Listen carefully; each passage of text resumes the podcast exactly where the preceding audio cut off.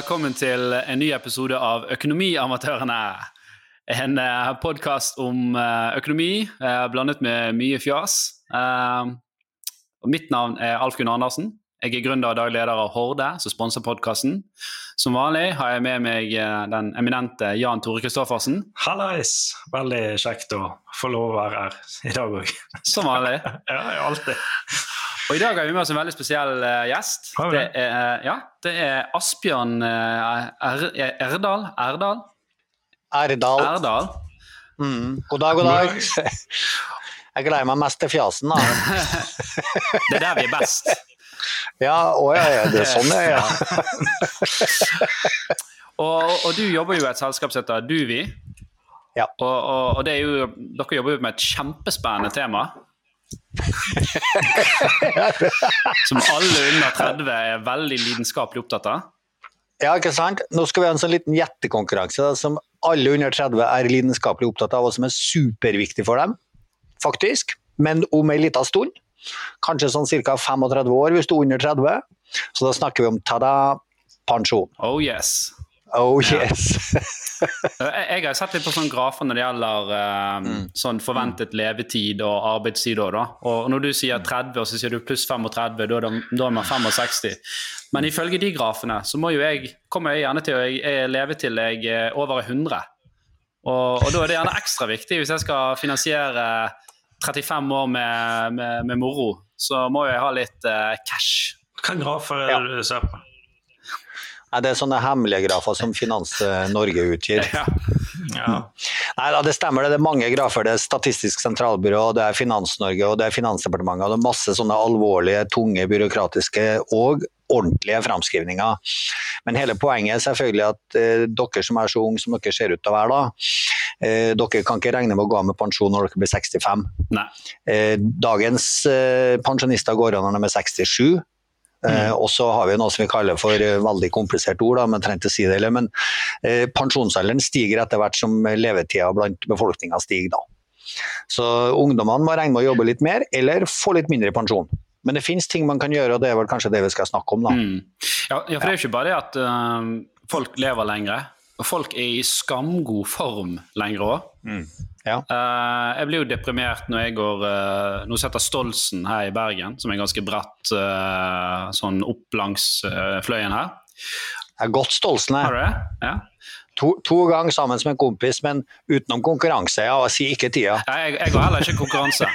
Men Nei, okay, jeg, jeg, blir jo litt sånn når jeg er liksom, litt over 30, og så blir jeg mm. forbipassert av 60-åringer som bortimot mm. jogger opp der så ser jo det at uh, det er litt annerledes å være pensjonist i dag enn det det gjerne var for, uh, for 30 år siden. Ja. Eller 40 år siden. Ja. Ja. Du kan vel si grovt sett sånn at når folketrygden ble innført, da, det er egentlig ganske eh, Hva skal jeg kalle det? det er egentlig ganske ja, det er hyggelige tall, er vel det man skal si da. Men det er altså sånn at når folketrygden ble innført, så var pensjonsalderen 67. Mm. Og så var gjennomsnittlig levealder 71. Så man levde altså fem år? Seks år? Hadde pensjon i fire-fem år, faktisk. Det er jo en dårlig deal. Og, og, ja, det var en dårlig deal, ikke sant? og nå er det sånn at eh, på en måte vi si det sånn at det som ekspertene sier, at du skal på en måte regne med at du skal pensjonen din utbetalt over 21 år. da. Så, og Derfor er jo alt det snakk om at det er for lite penger i framtiden og generasjonstapet, og at deres generasjon betaler for dagens pensjonister osv. For pensjonistsystemet har jo da vært underfinansiert, som vi kan kalle det. da. Mm. Ja. Så, men uh, det som er viktig for dere som er unge, det er jo egentlig å passe på at dere uh, velger riktig valg på en mm. pensjon som dere likevel har, og som dere kanskje ikke vet at dere har. Og det er jo, For det første så har dere jo folketrygd. Og Det får dere gjort noe med, annet enn å sørge for at dere har en jobb som er godt betalt. Folket, kan du, hva er folketrygd? Mm, folketrygden er jo det systemet som politikerne har laga for at alle som bor i Norge skal få pensjon når det går av med pensjon. Ja, du, det har jeg hørt hvis, et ord eh, i min familie mye mm. brukt. Minstepensjonist. Ja. Minstepensjonist. det de som har, I min familie, de som har blitt pensjonister i det hele tatt, de har blitt minstepensjonister. Og jeg bare sånn, Minstepensjonist er ikke fordi at du er den minste pensjonisten. da. Nei, altså fysisk? Nei, nei, nei, ja, fysisk De er veldig Minstepensjonist, da. Det er veldig små i din familie, kanskje. Ja, nei, hvis du er minstepensjonist, så er du da, eh, da på en måte har du minimumsutbetaling fra det som vi kaller folketrygden. La oss kalle det for staten. da. Mm. Og, og, og, det som skjer da er egentlig at hvert år når du tjener penger, så, da, så beregner man da en rettighet eller en Istedenfor å sette side pengene, så kan man si at man beregner hva man burde sette side. Og, og så hvis du da over et langt år, så får du da opptjening hvert år. Jeg vet ikke hvor teknisk jeg skal bli, men de setter altså til side 18% av lønna di hvert år. 18 mm. Så er såpass? Ja, og det er såpass, faktisk. Og så blir det beregna en såkalt eh, avkastning på det. Da. Og det er det som alle nordmenn får i pensjon når det går av. Men så er det jo sånn at du skal jobbe noen år for å tjene opp de rettighetene, og så skal det jo, når du blir 67, så skal det jo utbetales over 21 år. Mm. Du kan så la oss si du har med en gang. Nei, du, si kan ikke. Jo, du kan cashe dem inn. På 62, kanskje? Ja. Ja, du kan begynne når du er 62, det er riktig. Men du får ikke mer beløp, du får bare det strekt over en lengre periode. Så årlige betalinger blir jo mindre, da. Ja, ja. Ja, dere er flinke, syns jeg. I hvert fall til å være så ung. Nei, du kan begynne når du er 62, og, og, men da får du strekt over et, eh, lengre, en lengre periode. Og da går jo den årlige eh, utbetalinga ned. Og så er det en ting til med folketrygden som er ganske sentralt poeng. og det at eh, Dessverre så er det sånn, eller heldigvis, det er som du ser da, men når du dør, så er du ferdig. Så det blir et slags eh, Lotto? Kanskje litt Ja, ikke lotto, men la oss kalle det et veddemål. da. Ja. Det er stor sannsynlighet for at dem som sprang forbi deg opp Stolsen, de lever lenge. Mm. Det er i hvert fall statistisk sett. Så de vil jo da få en pensjon over flere år enn dem som da kanskje da ikke er på Stolsen, men sitter på en av de brune kneipene, kanskje. Mm. Og, og, kanskje lever litt kortere, men kanskje har det morsommere gjennom livet. Jeg vet ikke. Men da får de kanskje, når de da forsvinner, så er på en måte rettigheten eh, oppbrukt, da. Mm. Så, så, så, ja. Poeng, Poenget er at du, du, får denne beregningen, og lever du mer enn 21 år, så får du fortsatt mm. penger. Det er ikke sånn at yes. 21 år yes. Nei, Tore, nå har du brukt opp pensjonen din. Mm. Mm. Nå, nå vi, bare... vi, ser helst at du skulle vært borte nå. ja. så, så, de, så, de, regner snittet, da, sant, at 21. Sant? Så ja. Noen vil jo dø fem år etterpå, noen vil dø 35 år etterpå, og snittet er det sånn 21, er det de estimerer. Ja. Det er riktig. Men så, hvis noen sånn at, går i pennalet før den tid, uh, altså før er det sånn at ja, for, for, for, Er det noen som får de pengene, eller går de bare til staten? Hvordan fungerer det? De går til staten. Så kan jeg si at De som lever kortere, subsidierer dem som lever lenger. Og Det er en av de tingene med folketrygden som veldig mange på en måte har begynt å tenke på, og, og som veldig mange har begynt derfor å ta ut når de blir 62. da. Mm. For å sikre seg. For da, hvis, ja, for å faktisk å sikre seg. Jeg, jeg har jo en del eh, si, I min foreldregenerasjon har jeg en del folk som ringer meg, eller som eh, er i den aldersgruppa. Og, og, og der er en del voksne mennesker som for å sikre seg at de i hvert fall får noe, da, har begynt å ta ut når de er 62. Men da får de mindre, men da får de det i hvert fall. Mm. Så, så, men det som er på en måte, eller det som er, det her er jo folketrygden, og den er jo alle medlemmer av. Mm. Men, det, mm. Hvor mange år må du jobbe for å ha full opptjening i folketrygden?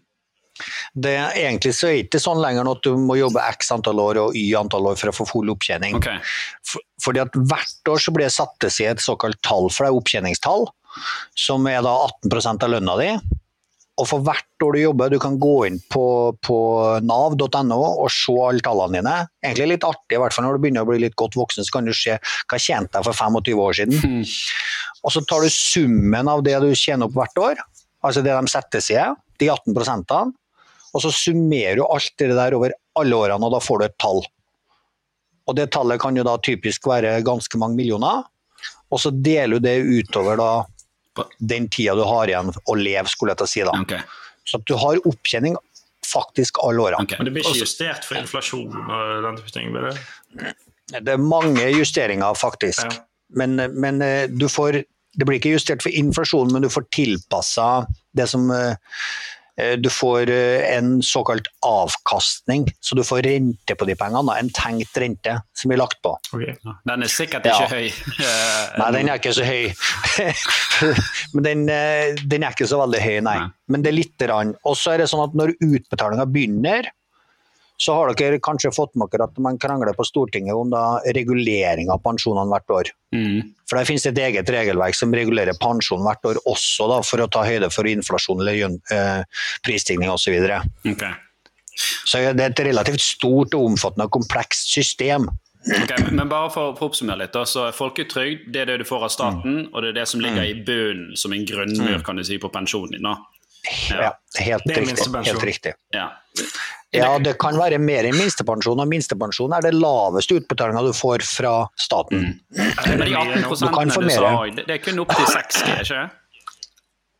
De 18 det er vel kun opp til 6G, ikke det? Det er noe. Det er riktig. Ja, og det er ca. 600 000, ikke det? Eh, det er opp til 7,1 G. Det er 710 000. Okay. Ja. Så tjener over, så får du ikke noe opptjening. Nei, okay. Så, så, det er riktig. Okay. Nei, men greit, oss bevege, Det var jo den trause delen som ingen av oss kan gjøre noe med, for her er det staten som mm. bestemmer hvordan det der blir uansett. Uh, ja. La oss gå over til det vi faktisk kan påvirke, da. Mm. Mm. Ja. Det, det, er jo på en måte Eller ikke på en måte, det er jo det jeg jobber med, da. Jo, vi starta det firmaet som heter Forduvi, og det er jo for at vi vil gjerne være på lag med kundene. Da. Nå skal jeg ikke skryte altfor mye av firmaet, men Duvi det er da du og vi på lag. Ah.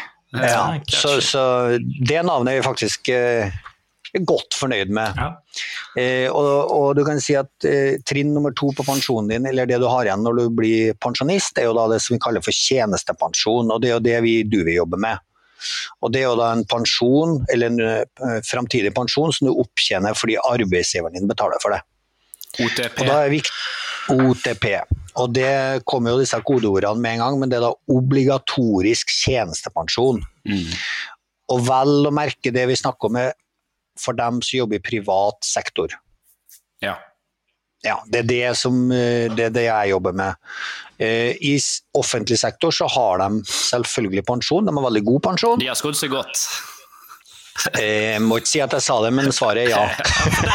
Mange sånne folk som jobber i Forsvaret som kan pensjonere seg når de er 57, og mm. politimenn kan pensjonere seg når de er 50, jeg vet ikke, og så får de en god mm. så Det er jo mange som, som ja, kan... har det bra der, vel. Ja, og stortingspolitikere, da. Nå skal jeg ikke legge meg ut med dem, men, men det må Nei da, men det, det, du kan si det er vel sånn at offentlige pensjoner blir regna for å være eh, veldig gode.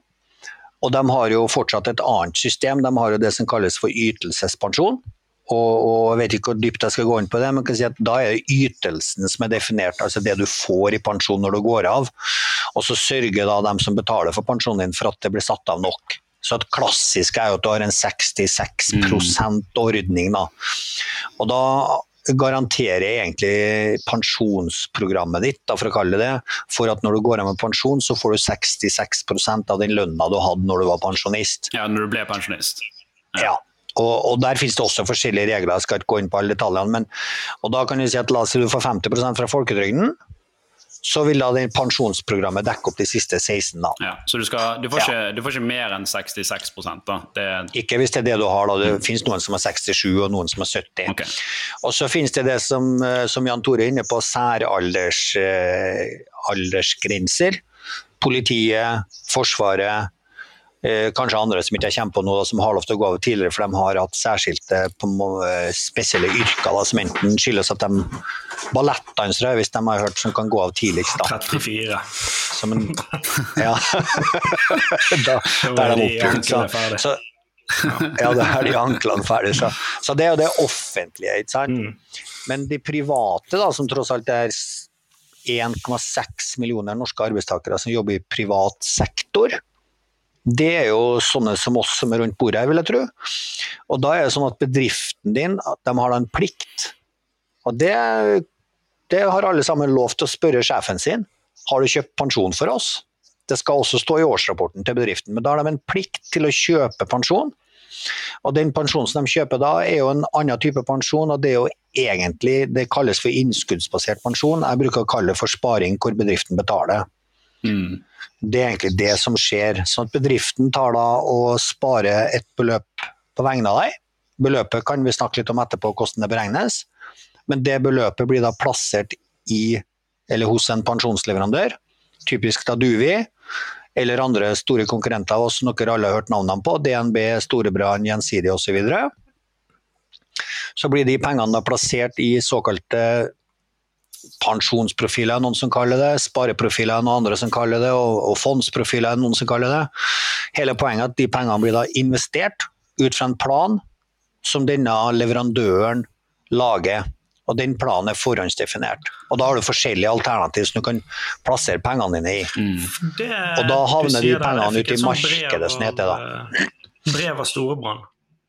Sånn, du har så og så Mm. mye så Jeg, jeg det jeg kunne ta ut de pengene, det kunne jeg ikke. Um, men, men det er for en jobb jeg har hatt for sånn ti år siden. Mm. Hva gjorde du med brevet? Jeg tror jeg kastet det. Ja. Eller det Vet du hvor mange som kaster brevet? Det, det, det var litt dumt, men for å si det sånn, Felles skjebne felles trøst, da. Av, eh, av eh, 100 stykker som får det brevet, så er det mellom 3 og 5 stykker som gjør noe. Ja, for det, de kan da Så du tilhører den tause majoriteten. Ok. Så jeg har sikkert litt pensjon her og litt pensjon der fra forskjellige jobber jeg har hatt. Men det må vel gå an å kunne samle de, eller gjøre noe, da. Det er helt riktig, og, og, og, det er veldig godt observert. og det er helt riktig, For at det som skjer, er at hver gang du jobber et sted, eller hver gang du slutter når du har vært og jobba et sted, så får du med de midlene som da arbeidsgiveren har spart på vegne av deg, for det er dine penger. Mm. Eh, Det finnes en begrensning, og det er at du må ha jobba der i mer enn tolv måneder. Eh, Og så skal jeg forte meg å si at den begrensninga forsvinner nå fra 1.1, for da er det en ny lov som kommer, så da får du pensjon fra første dag, som heter. Så hvis vi snakker om hvordan det blir i framtida, så er det sånn at du har da jobba et sted, du har oppsparte midler, som er dine penger. Det er viktig, det er dine penger, du får dem ikke ut. Men det er du som bestemmer hva du vil gjøre med dem, og det er du som bestemmer hvor du vil plassere dem hen. Og, og på lovens språk så kalles dette for et pensjonskapitalbevis. Og det har alltid vært lov til å slå dem sammen. Så hvis du har la oss si, tre tidligere arbeidsgivere og tre pensjonskapitalbevis, Mm. så kan du velge å gå til én leverandør og slå dem sammen. Og når folk jeg kjenner spør meg om råd, så sier jeg første rådet er velg deg en leverandør og gå og slå sammen pensjonskapitalbevisene dine. Mm. Mm. Det er et kjempeenkelt råd, og det er veldig enkelt å gjøre, for de fleste leverandører, og i hvert fall da Duvi, har det på nettet. Så sier du 'jeg vil samle mine pensjonskapitalbevis hos deg'. Men hvordan får du oversikt? Ja, Yes. jeg har jobb, forskjellige jobber, og jeg vet ikke om jeg har oversikt. Nei. Er Det, finnes det noe sted? Nei, men det er også et, eh, heldigvis et spørsmål som eh, Det finnes et sted, for det finnes noe som heter norskpensjon.no. Jeg kan gjenta det, norskpensjon.no. Hvor da alle leverandørene eh, i Norge sender data. Så hvis du går inn på norskpensjon.no, så ser du totalen over det du har. Og da vil du se at du kanskje har ett eh, pensjonskapitalbevis fra en tidligere arbeidsgiver som er fra to år tilbake, mens et annet et er på, fra fem år tilbake. Og så ser du hva som er saldoen. Og hvis man da er en gjennomsnittlig nordmann, som for øvrig ingen er, da, men hvis det finnes, så er det mellom 8000 til 10 000 kroner i året man blir spart for hvis man har en såkalt minimumsordning og en gjennomsnittlig lønn. Jeg kan si litt om det etter hvert. Men da vil du finne kanskje tre pensjonskapitalbevis der, da. Kanskje ett på 20 000, og ett på 18 og ett på 25 Og så kan man da gå litt rundt og tenke hvilken leverandør er det jeg vil tiltro mine midler. Og så kan man da gå til den leverandøren og si at jeg vil samle mine pensjonskapitalbevis. Og da vil alt skje automatisk på baksida. Ok, Så det fikser den leverandøren, nå? Du slipper å herje? Ja, det fikser de. Det, fikser de. det er en fordel hvis du oppgir avtalenummeret. Det er ingen mulig, det går ikke an å ta ut det nå. Fins ingen mulighet for å ta de pengene. ingen workarounds, ingen Ja, to, to Ingen har lyst til å kjøpe PlayStation 5 på Finn, skjønner du, og den er blitt uh, ganske dyr. Du, du får til og med Du kan ikke gå i banken og pantsette dem heller. Så det er penger For det er mange som har tenkt på, men det, kan... det er penger du ikke har. Ja. Du kan tenke på dem som Hva skal jeg si? da? Som BSU for voksne. ja, men For du skatter vel heller ikke på formuen av dem? Helt riktig. Det er ingen skatt. Og, og, men det kommer skatt når du da begynner å få dem ut. Mm. Og for oss som jobber med pensjon, og som vet liksom litt hvordan langsiktig sparing henger sammen, da, så er vi veldig glad for at du ikke kan ta ut pengene. For det beste for avkastninga di, eller det beste for å fylle på pengene med avkastning, og gjøre dem til verdt mer, det er faktisk å, at du ikke kan ombestemme deg. Ja. Det høres veldig pussig ut, men det er sånn at når du skal spare på lang sikt, så gjelder det å gjøre det jevnt og trutt. Og ikke få panikk når børsen raser. Og ikke finne på noe triks eller lure ting. Det er bare å holde seg til strategien. Mm. Dette sa vi veldig mye når jeg jobbet i kapitalforvaltninga, at det beste du gjør med en investering, det er å legge den i skuffen og glemme at du har den. Det, det er jeg helt enig i. Det er, noen ganger så spør unge folk meg hva skal jeg gjøre med spare, sparinga mi. Mm. Så sier jeg skal du spare til pensjon, eller skal du spare til noe annet? Og hvis de skal spare til pensjon, så sier jeg lag en spareplan. Betal 500 kroner i måneden eller 1000 kroner i måneden, eller det er noe du velger. Velg deg et fond, og så glem det. Og ja, for man sparer til pensjon utenom jobben og den type ting. Sånn som Det er den tredje delen av pyramiden. De, Mm. Er du Det er mange som velger det og gjør det. Gjør det. Da er det ingen som sparer for deg. Nei, men selv selvstendige har lov til å bruke den nye loven, faktisk, men det er begrensninger hvor mye de får lov til å spare. Mm. Ja, men, det er jo den tredje delen av denne pilaren. Sånn at du har folketrygden i bunn, og så har du tjenestepensjon, og så har du individuell pensjonssparing på toppen, som er det da, Ja. det er da du sjøl sparer, som du har fritt kan omsette. Um, Ja. Og det har jo sine positive fordeler med at du kan få tak i pengene hvis du trenger det, for ting skjer jo i livet. Mm. Uh, og det har sine negative årsaker, som at du faktisk kanskje bruker penger, eller du kanskje klarer ikke å ha hendene vekke fra disse pengene. da. Mm. Eller du må begynne Det- å jokke med det. Men det er jo et klassisk problem. Alle spareteorier sier jo at du skal, du skal spare du, du skal sette opp sparinga på en måte som gjør at du ikke ser sparinga. Mm. For har du fått lønna di utbetalt, så er det så veldig tungt å ta fra lønnskontoen og sette inn på sparing. Så dermed, og det å få liksom et autogirotrekk som går hver måned før du ser lønna di komme på kontoen, det er noe helt annet. Du må bare tenke på det som en utgift. At bare Ja. det, det, De pengene er vekke. Det er Ja. en ting jeg har kommentert meg til å gjøre. Og så er det en annen ting som veldig, kanskje ikke så mange tenker over, da, men at alle nordmenn, de fleste nordmenn sparer til pensjon gjennom at de eier sin egen bolig. Det er jo en veldig stor sparing. ikke sant? Så husk på når man blir 67 og skal gå av med pensjon, så har jo Ja, veldig mange mennesker i Norge Da kan du selge huset Ja. og bare flytte til Spania. Ja. Så som en normal utvikling på eiendomsprisene og normal nedbetaling, så kan du, flytte, du kan jo selge huset ditt og flytte dit du vil.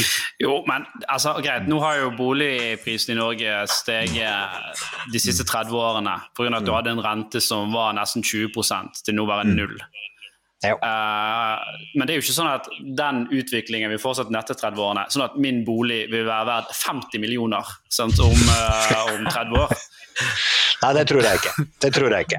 Men hvis han blir det, Men du kan si at når du betaler så er de der pengene du har spart, de er ikke, de er ikke så mye verdt.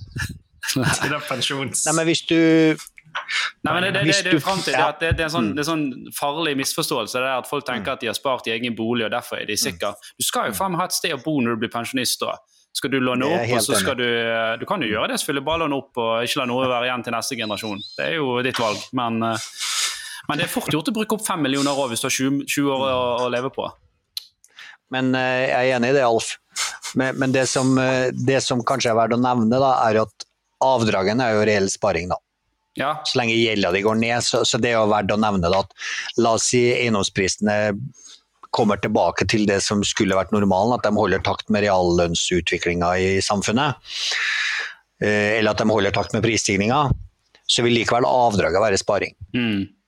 bare så det er nevnt. Ja. Men det er absolutt sånn at eh, hvis vi går tilbake til pensjon da, og privat pensjon som du har gjennom arbeidsgiveren, så er det en par ting som man kan gjøre.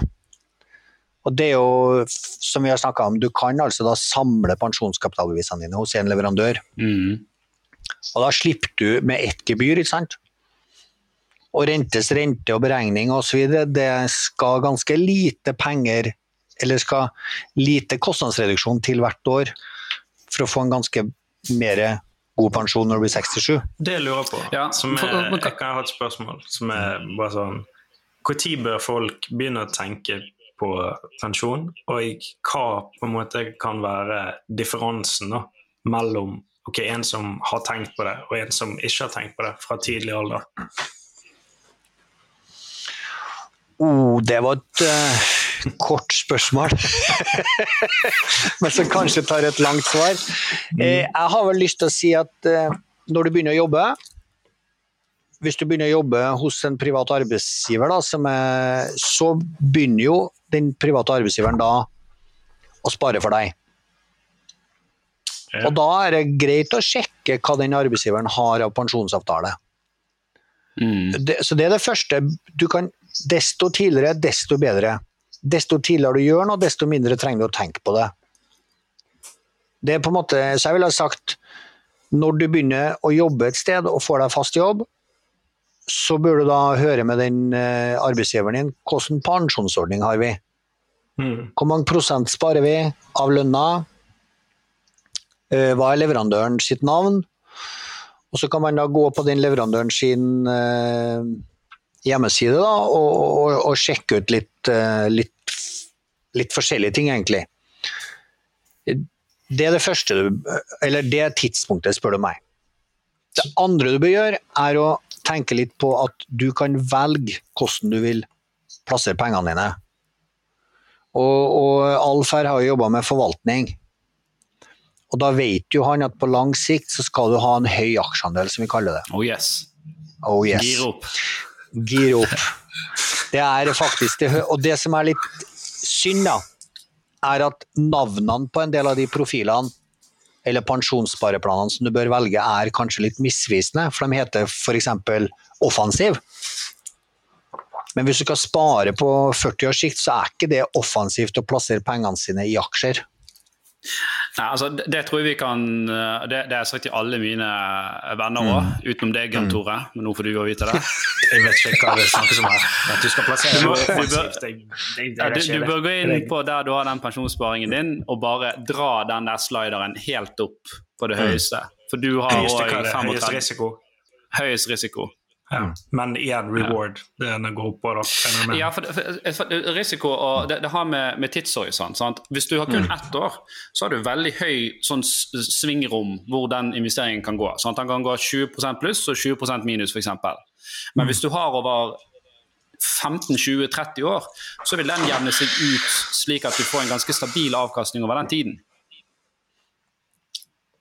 Fikk du med deg det? Det er- Ja, det noterte jeg.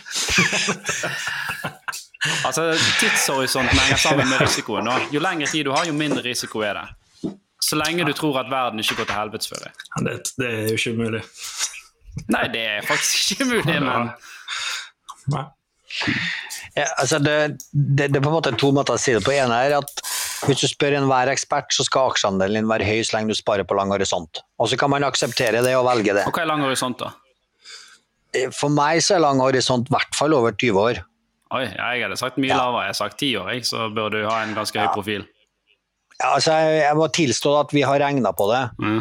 og, og vi har kommet frem til mellom 11 og 12 år. da. Ja. Ja. Og, og vi har våre kunder får 80 av pengene sine i aksjer. Mm. Og, og, og vi har, når vi har regna på det, så ser vi at nesten, selv på det verste tidspunktet, når alt krekker, så er du tilbake og litt pluss til på 11-12 år. Ja. Og da har vi regna over 100 år bakover historisk. ja.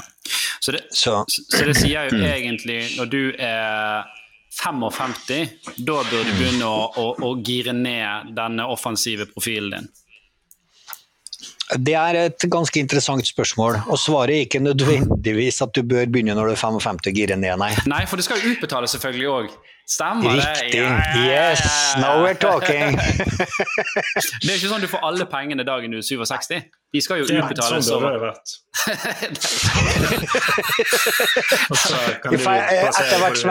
Tore, staten vet at det finnes folk som deg. De vet. Ja. Hvis du får liksom utbetalt en null og så rett til Vegas og alt på rødt. Ja, ja. Det, det, vet de, så derfor så fordeler de det fram til du er 77. Ja. Ja, er, og nettopp derfor så blir svaret mer nyansert enn 55. Da. Det er rart at de gjør det sånn med pensjonen din, at de, de stoler ikke på det som, som erfaren. Altså, du, har, du, har, du, har, levd lenge, og likevel stoler ikke de på deg. Men deg som student stoler de mer på, for der fikk du utbetalt studielånet én gang i halvåret. Eller hvordan det var. Og så skulle du bare fordele det utover. Så det helt det gikk ikke. Det, det er en eh, ja, Hvis jeg tar meg tilbake til urtiden når jeg studerte, så husker jeg godt at det var sånn. Mm. Det var greit å ha foreldre når desember kom.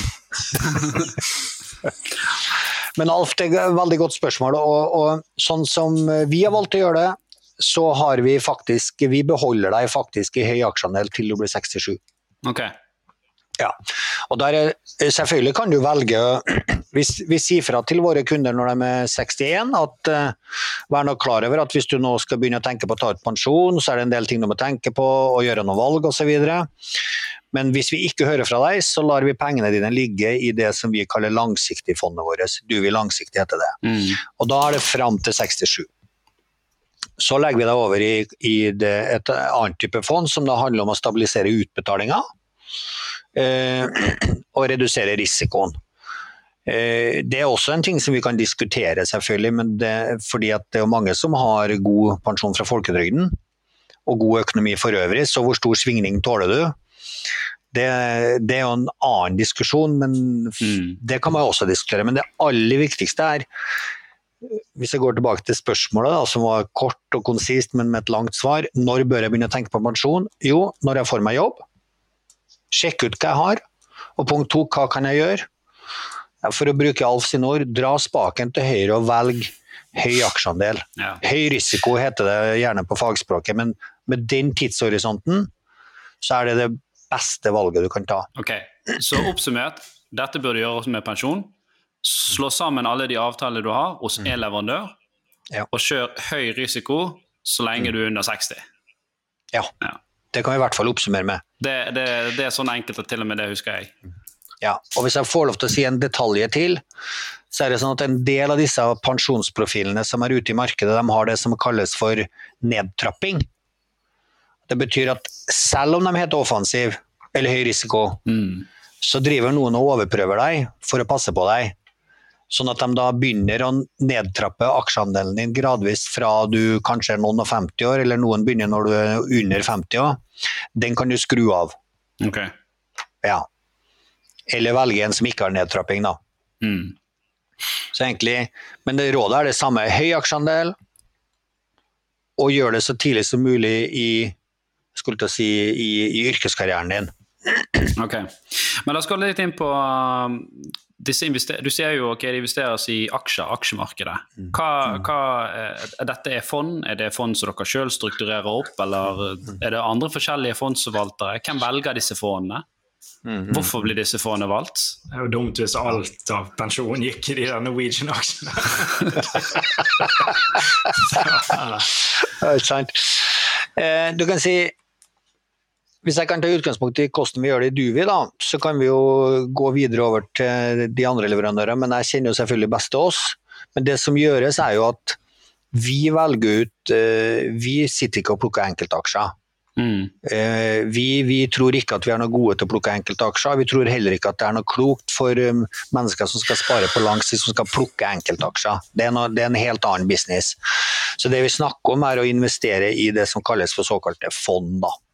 Og et fond det, jo, det er jo et knippe med aksjer som følger enten en geografisk eh, begrensning, f.eks. et eh, fond som har som mål å følge aksjeutviklingen i USA, kan det være. Det kan være et fond som følger en bransje, det kan være et fond som følger alle teknologiselskapene i verden, eller det kan være et fond som følger helse i verden. Eh, vi i Duvi og de fleste andre leverandører tror jeg også, i disse standardprofilene, hvis vi kan kalle dem dem, i de mest vanlige profilene, vi velger gjerne fond som da tar utgangspunkt i den globale verdiskapninga. Mm. og da er du med på, måte på den verdiskapninga som skjer globalt i verden etter hvert som firmaene bygger verdier for sine kunder. Yeah. Så, så det er det er det på lang sikt det som er den beste risk-returnen du kan få, mener i hvert fall vi i Duvi. og Det tror jeg de fleste velger, med mindre man har spesiell type kompetanse som gjør at man tror man kan være god på å velge. da. Ja. Mm. Og, så, ja. så, og det er dette, dette er ikke fond som dere setter opp sjøl, dere da velger Nei. fond. Nei. Er det én leverandør, eller er det mange leverandører? Er det indeksfond, eller er det aktive fond? Mm. Det, altså, I Duvis er det en blanding av indeks og aktive fond. Mm. Eh, og det er trygge, solide leverandører. Eh, egentlig, vi bruker jo har lov til å si det. Vi bruker jo Danske Invest sine fond, vi bruker KLP sine fond, vi har brukt Handelsbanken sine fond. Eh, vi bruker solide norske leverandører, og så plasserer vi pengene på utsida av norsk økonomi, i hvert fall når det gjelder aksjer. da. Ja, For du er jo allerede tungt eksponert med å bare bo i Norge? Helt, helt, enig og helt riktig. Mm. Så Vår oppfatning er at pengene dine skal være eksponert i utlandet, for du er tungt nok eksponert i Norge som du er for oljeprisen og eiendomsprisen og norsk økonomi. Ja. Så du får en slags vekting, for å kalle det det. da. Mm. Så vi velger ut, eh, og, det vi gjør er jo at vi velger oss en strategi. Og så prøver vi å være smarte og tro at vi skal være smartere enn markedet osv. Og, så og så velger vi da en langsiktig strategi som handler om å sitte lenge og en høy andel aksjer. Og da at vi velger indeksfond og et lite element med aktive pga. noen spesielle ting som vi tror kan være litt lurt. Eh, og så holder vi oss til strategien. Vi prøver ikke å time markedet og tro at vi skal være flinkere enn noen som helst. Nei, så Han blir automatisk rebalansert av porteføljen hvis aksjemarkedet ja. går slik at du skal ha 80-20 hele tiden? Det er riktig. det er riktig. Jeg tror også de fleste av våre konkurrenter har tilsvarende tankegang, altså at man velger fond som er solide og trygge og gode, og så setter man det sammen til det man da kan kalle spareprofiler. Da. Okay. Men. La oss si f.eks. at uh, jeg har i DNB mm. uh, altså Det er det som min pensjonstilbyder. Mm. De driver med dette. her. Men mm. så har jo DNB egne fond òg. Mm. Hvordan kan jeg være sikker på at DNB ikke bare melker meg i begge ender her, at de tar gebyrer for å forvalte liksom, dette pensjonsbevisene mine, men de putter det òg i fond hvor de får òg all forvaltningshonoraret? eh, dessverre så kan du ikke være helt sikker på det. Det Eh, men det du kan gjøre, er at du kan følge med på prisene og se hva som står, og så er jo Du kan si du må være ganske nøye for å følge med for å være helt sikker. For noen ganger så står det da at kostnaden i et fond kan være f.eks. Eh, sånn og sånn. Kan være 0,8% og så står det litt av stjerne, da. Eller så, mer til unnskyld, jeg skal se på en annen måte. Ofte så er det oppgitt hva som blir avkastningen. Og så står det gjerne at eh, kostnadene er fratrukket. Så da vet du egentlig ikke hva du betalte, hvitt, bare hva du har fått i netto avkastning. Mm. Jeg vet ikke om det made sense, jo, men, det er sånn du ser ja. i behandlingen, men de, de, jo, eh, de, skal jo ha den uh, key ID-skjemaet som viser ja både forvaltningskostnader og, mm. og suksesshonorarer og sånt. Men nå kommer vi langt inn i dybden her. Det er folk uh, det tenker jeg at Nei, men da, Du skal være ganske bevisst for å gå inn Men det du kan være prøve å finne ut av, er å gå inn på fondene og se på hva det står som er oppgitt kost. Mm. Altså, litt sånn som på Hvis du tenker på bankene, så er det det er en del år siden, men før så oppga de noe de kalte rentenivå, men nå har de begynt å kalle det effektiv og nominell rente, da, sånn at folk skal se forskjellen. Mm. Så men det stiller stadig større krav til åpenhet og transparenthet i bransjen. Ja. Det gjør det. Mm. Mm. Hvordan tjener du vi penger, da? Ja, du vil tjene penger egentlig veldig enkelt på at uh, når du betaler til oss, så tar vi et fondsforvaltningshonorar fra deg. Og så kjøper vi inn på baksida, og da kjøper vi, og differansen mellom det fondsforvaltningshonoraret vi tar og det vi kjøper inn på baksida, er jo det dekningsbedraget vi tjener penger på. Så det er en form for kickback, på en måte? da? Nei, vi tar ikke kickback. Vi tar egentlig å kjøpe Vi fungerer mer som en, en butikk som kjøper inn en sko, og så selger vi den videre med et påslag. Okay, ja, så Ja, det er en Vi tar aldri kickback. Ok, så bare et eksempel da. La oss si at det er 1% øh, kostnad i Duvi, og så kjøper dere fond. Ett fond koster kanskje 0,2, ett koster 0,5, ett koster 0,7. Og så er Ja. den differansen opp mot 1% som dere tjener på. da. Det er helt riktig. Okay. Vi har lovt våre kunder at vi aldri skal ta kickback. Ja, det er bra. Hva vil kickback si? Eh, Altså, Det, det vil jo si at, da, La oss si at hvis Duvi hadde gjort det, eller en annen aktør hadde gjort det, så kunne du fått at en forvalter hadde sagt hvis du selger mine fond, så skal jeg gi deg så og så mye penger. Så hadde du vært insentivert til å selge et fond som ikke nødvendigvis hadde vært det beste for kunden. ja, sånn, ja. Mm. Ja. Står en veldig interessant artikkel om det der i, i Nå vet ikke jeg hvor mye lytterne deres leser Dagens Næringsliv, men både på lørdagen og i dag så sto en oppfølgerartikkel om, eh, eh, om interessekonflikter, kan du vel kalle det. da. Altså, det er jo dessverre sånn, det har stått flere artikler om det i mange bransjeblader også, men det er jo dessverre sånn at hvis du går inn i en, ja, til en bank da, og spør om å få et råd om et fond, så er det viktig å huske på at han som gir deg rådet er ansatt i dem som også leverer fondene. Han er en selger. Ja, det det er en selger, må ikke glemme det. Hvis du går inn i en Volvo bilforhandler og ber om å få et råd på hvilken bil du skal kjøpe, så må du huske på at han du snakker med gjerne vil selge Volvo. Mm. Det er jo ikke noe unaturlig det, men det må man huske på. Selvfølgelig. Ja, så, så det kan være lurt å gå til noen som er uavhengig, eller å gjøre litt research sjøl. Sjekke litt på nettet og litt sånn. da. Ja. Nei, Det er derfor det er veldig viktig at man ikke har disse kickback-avtalene òg. For da havner du fort i samme, samme posisjon. Ja, det er jeg helt enig i. Okay. Helt enig. Det, det er superviktig, og et veldig godt poeng at du tar opp det. Mm. Nei, men Veldig bra. Uh, Jan Tore, har du blitt litt klokere? Eller bare mer forvirret? Litt klok, litt forvirret, men eh, be- Ja, det er viktig med pensjon, har jeg funnet ut. da. Det er vel konklusjonen. Det er viktig å begynne tidlig å tenke på det. Um, Ja. ja. Det var to ting du skulle huske, Jan Tore. Begynne tidlig begynne og tidlig, høy, og høy aksjeandel. Ja, samle tre ting. Samle pensjonskapitalbevisene og høy aksjeandel. Og samle de, da kan du gå på norskpensjon.no for å få Yes. oversikten din. Så velger du deg én leverandør og samler de der, f.eks. Ja. Duvi. For det tipper jeg det er Eh, mange bare i 30 år som, opp eh, eh, Det er sikkert mange i, altså det må det være mange eh, på min alder, på vår alder, som ikke eh, har samlet det. Mm. Det er ca. 95% som ikke har gjort én ting. Og det tar fem minutter å gjøre. ha- Har du noe statistikk på hvor mye du kan tjene på å samle det? Ja, du kan, altså, det er vanskelig å si nominelle tall, for folk har jo forskjellige saldoer, men mellom 20 og 40% mer i pensjon er ganske lett å regne hjem. Oi, det er ganske Det er, mye. det er veldig mye, faktisk. Det er helt sjukt. Har dere hørt om 10-30-60-regelen? Nei? Hvis du sparer fra du Jeg trodde det var vanlig folke... Hvis du, spa, hvis, du, hvis du tenker at du skal ha utbetalt pensjon fra du er 67 til du er 77, altså over ti år, Mm. så sparer du fra du, la oss si, fra du er 25, så vil det totale beløpet som du får utbetalt, forutsatt at du holder pengene i aksjer hele tida, bare for å illustrere, da, så vil 10% være det du skøyter inn. 30% vil være den avkastninga du hadde fram til du gikk av med pensjon, og 60% vil være avkastninga i de ti årene du gikk av.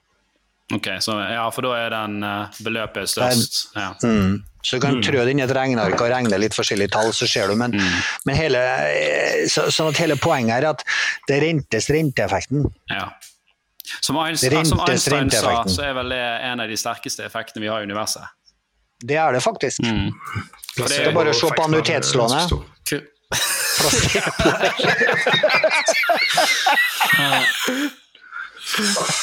Det er der du investerer pengene dine, Tore.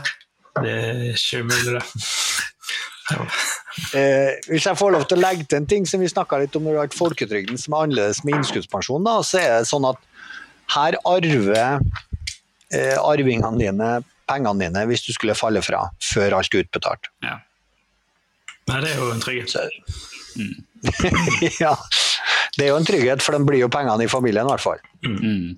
Så hvis du da faller fra før alt er utbetalt, eller hvis du faller fra bank i bordet da, før du blir pensjonist, så tilhører likevel midlene eh, dine arvinger, da, Mm. f- etter et spesielt regelsett. Da. Men, men pengene forsvinner til det, er ålreit å få sagt. da. Ja.